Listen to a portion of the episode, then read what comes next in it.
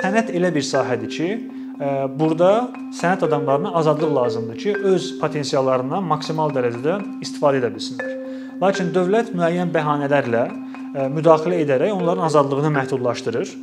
Beləcə həmin adamlar öz sahələrində yenilik yarada bilmirlər ya da daha az yenilik yaradırlar. Yenə də seçicilik azalır. Seçicilik azalması nəticəsində yenə də vətəndaşların azadlığı, sənətə, müxtəlif sənət sahələrinə çıxışı azalır.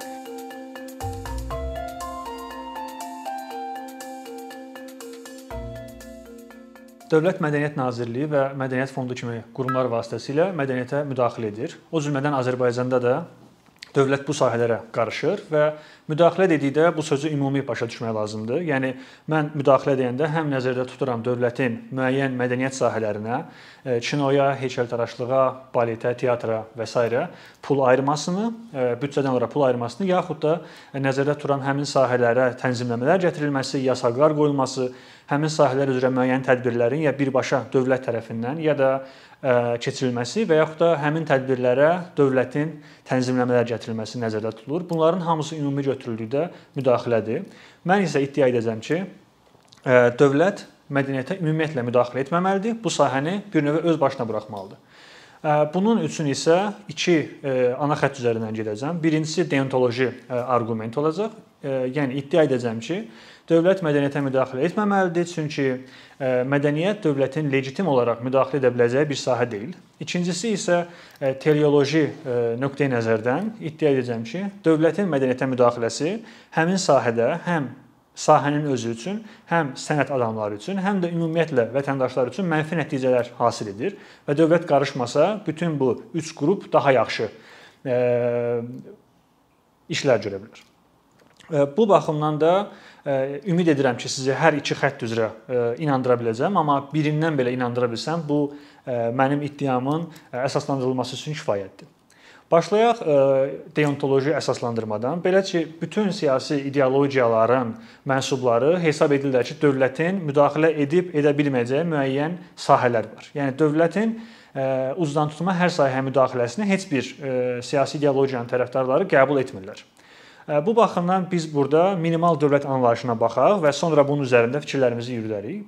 Dövlət e, müəyyən bir ərazidə legitim zorakılığın özünə məxsus olduğunu iddia edən bir qurumdur.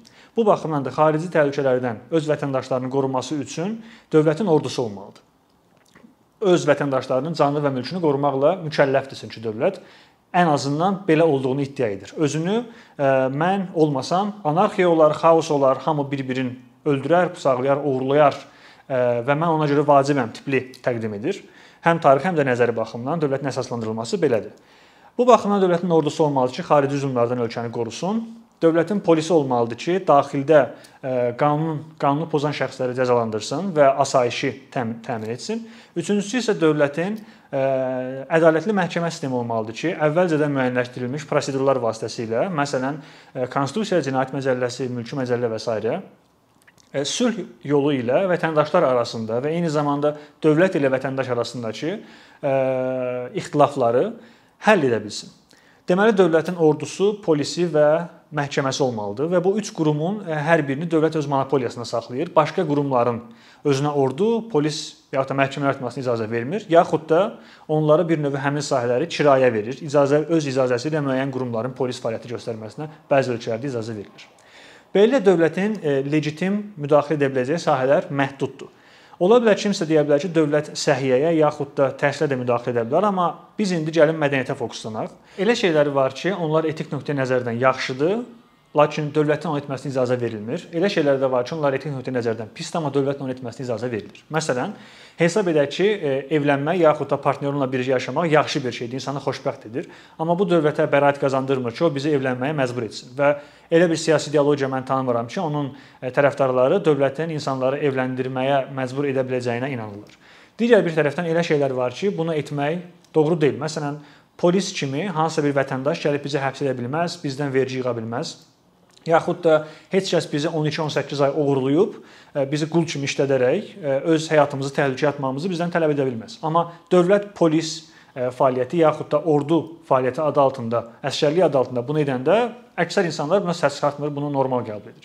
Beləliklə biz dövlətin legitim müdaxilə sahəsinə baxanda həmişə onun müdaxilənin hasil etdiyi nəticələrə yaxud da həmin şeyin özü özlüyündə yaxşı bir şey olduğuna baxmırıq, çünki etik olaraq nəyin yaxşı, nəyin pis olması ilə dövlətin səlahiyyətlərinin sərhədləri həmişə üst-üstə düşmür. Beləliklə deontoloji iddia bundan ibarətdir ki, mədəniyyət dövlətin legitim olaraq müdaxilə edə biləcəyi bir sahə deyil. Dövlətin mədəniyyətə müdaxilə etməsi həmin müdaxilənin nəticələrinin nə olmasından, müsbət və ya mənfi, asılı olmayaraq dövlətin öz səlahiyyətlərini aşmasıdır. Bu bizim deontoloji iddiadır. İkinci isə gələk indi teleoloji xətt üzrə iddiaya. Bu xətt üzrə biz baxanda müdaxilənin nəticələrinə nəzər salırıq və mən iddia edirəm ki, dövlətin müdaxiləsi nəticəsində mədəniyyətdə həm mədəniyyət, həm sənət adamları, həm də insanlar üçün vəziyyət daha da pisləşir. Ona görə də müdaxilə etməsi yaxşı deyil. Başlayaq birinci dövlət necə müdaxilə edir? Məsələn, hansısa bir sahəyə pul verir, tənzimləmə aparır həmin sahədə yaxud da yasaq gətirir və bununla da dövlət haqsız rəqabət yaradır. Bu haqsız rəqabətə birinci növbədə baxaq müxtəlif sənət adamları arasında. Belə ki, e, dövlət müəyyən sahəyə pul verir, müəyyən sahəyə yox. Beləcə bir sahə varlanır, digəri isə yox və bu baxımdan da o iki sahə arasında haqsız rəqabət yaranır. Və e, dövlətlər hansısa bir sahəyə, mədəniyyətə pul verəndə çalışırlar məşhur olan, insanların sevdiyi sahələrə pul versinlər ki, öz müdaxilələrinin legitimliyini göstərə bilsinlər. Tutaq ki, Azərbaycanda dövlət muğama pul verir, muğamın tədbirlərini keçirdir, onlara dəstək verir, muğamla məşğul olan adamlara. Səbəb budur ki, muğam Azərbaycanda sevilir və İnsanlar hesab edirlər ki, muğam bizim milli musiqimizdir, biz bununla fəxr etməliyik və dövlətin ora pul verməsində problemi yoxdur. Amma muğama pul verməklə dövlət müxtəlif sənət adamları arasında haqsız rəqabət yaradır. Belə ki, biz hara baxırıqsa, muğam adamlarını görürük, bütün dövlət tədbirlərinə onlar dəvət edilir, onlar reklam edilir, qısası dövlətin maliyyə dəstəyi vasitəsilə. Digər tərəfdən isə məsələn bir sahə deyim, trash metal. Trash metalla məşğul olan insanlar artıq öz səslərini çatdırmaqda çətinlik çəkirlər. Çünki bütün diqqət, bütün pul muğama yönəlir. İnsanlar deyə bilərlər ki, həqiqətən də əgər dövlət trash metala pul versə, biz bu sahəyə qulaq asmırıq, boş-boş işlərə niyə pul verirsiniz? Və haqlı da ola bilərlər. Problem yoxdur burada. Lakin Məsələ budur ki, dövlət müdaxilə edəndə heç də bərabər yanaşmır hər kəsə. Məşhura e, daha çox imkan yaradır, marjinalı isə daha da marjinallaşdırır. Bir növü dövlətin varlı adamlardan daha az, kasıblardan daha çox vergi almasına oxşuyur. Varlı varlanı kasıb kasıblayır. Bu ikinci nə dərəcədə ədalətsizdirsə, birinci də o dərəcədə ədalətsizdir.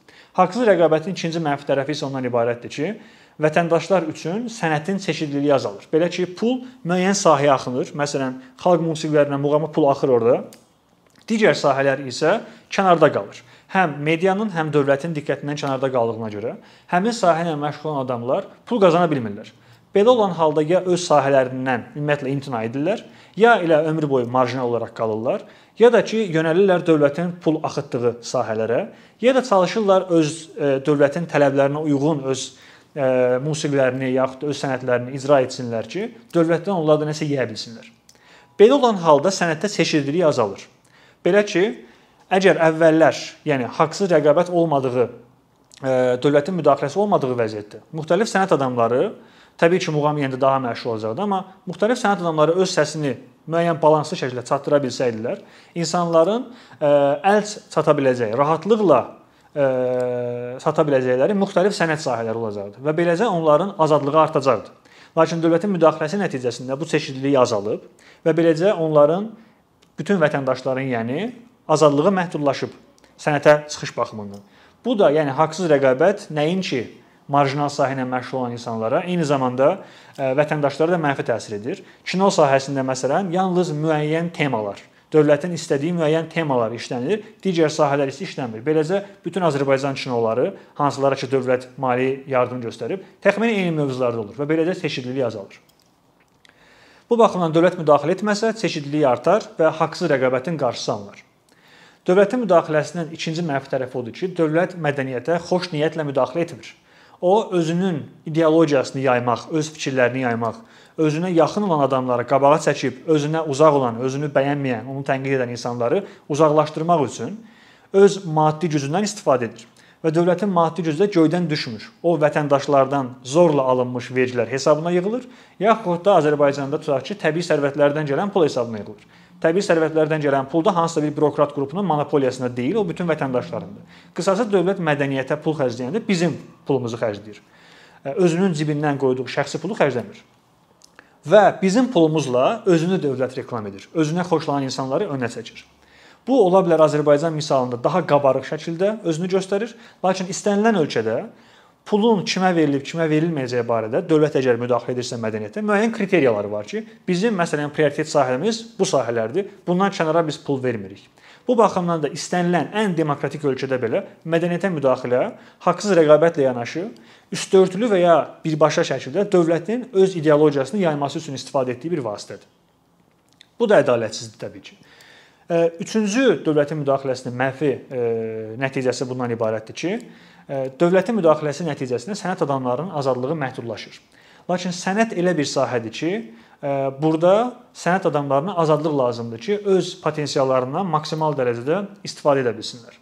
Lakin dövlət müəyyən bəhanələrlə müdaxilə edərək onların azadlığını məhdudlaşdırır. Beləcə həmin adamlar öz sahələrində yenilik yarada bilmirlər ya da daha az yenilik yaradılır. Yenə də çeşidlilik azalır. Çeşidlilik azalması nəticəsində yenə də vətəndaşların azadlığı, sənətə, müxtəlif sənət e, sahələrinə çıxışı azalır. Bununla yanaşı dövlət bəs nəyin e, əsasında əsaslandırır? Ən azından sözdə öz müdaxiləsini. Dövlət iddia edir ki, müəyyən sənət sahələri olduqca əhəmiyyətlidir və həmin sahələrə pul verilməsə onlar batıb gedəcək. Məsələn, balet tutaq ki, Lakin məsələ bundan ibarətdir ki, əgər bir sahəyə maraq varsa, o sahəyə onsuz da azadlıq verildiyi təqdirdə daha çox çeşidlilik yaranacaq və insanlar ora gedib pul verəcəklər. O sahənin adamları da pul qazana biləcəklər. Bir sahəyə maraq yoxdursa, nəyə görə dövlət bazar münasibətlərinə müdaxilə edərək həmin sahəyə əlavə pul qoymalıdır? Yəni mədəniyyət sahəsi digər sahələrdən heç də üstün deyil, heç də müqəddəs deyil Necə ki, digər sahələrin adamları əziyyət çəkirlər, öz məhsullarını bazar münasibətləri çərçivəsində satırlar. Eləcə də mədəniyyət adamları dövlətdən pul yemək əvəzinə əziyyət çəkməlidirlər. Öz sahələrində yeniliklər gətirərək öz məhsullarını satıb pul qazanmağı bacarmalıdırlar. Əgər bir sahəyə diqqət yoxdursa, bir sahəyə insanlar maraqlanmırsa, həmin sahənin ölüb getməsində bir problem yoxdur. Lakin e, biz digər ölkələrdə baxsaq görərik ki, heç də dövlət müdaxilə etməsə balet ölüb getməyəcək. Sadəcə bu dövlətin istifadə etdiyi bir bəhanədir. Beləcə mənim iki arqumentim oldu: deontoloji və terioloji. Ümid edirəm sizi inandıra bildim ki, dövlətin e, mədəniyyətə müdaxiləsi illegitimdir və mədəniyyət dövlətin müdaxilə edə biləcəyi, legitim olaraq müdaxilə edə biləcəyi bir sahə deyil. İkincisi dövlətin müdaxiləsi daha pis nəticələr hasil edir. Buna görə də dövlət mədəniyyətə müdaxilə etməməlidir, tamamilə kənarda durub bu sahəyə qarışmamalıdır.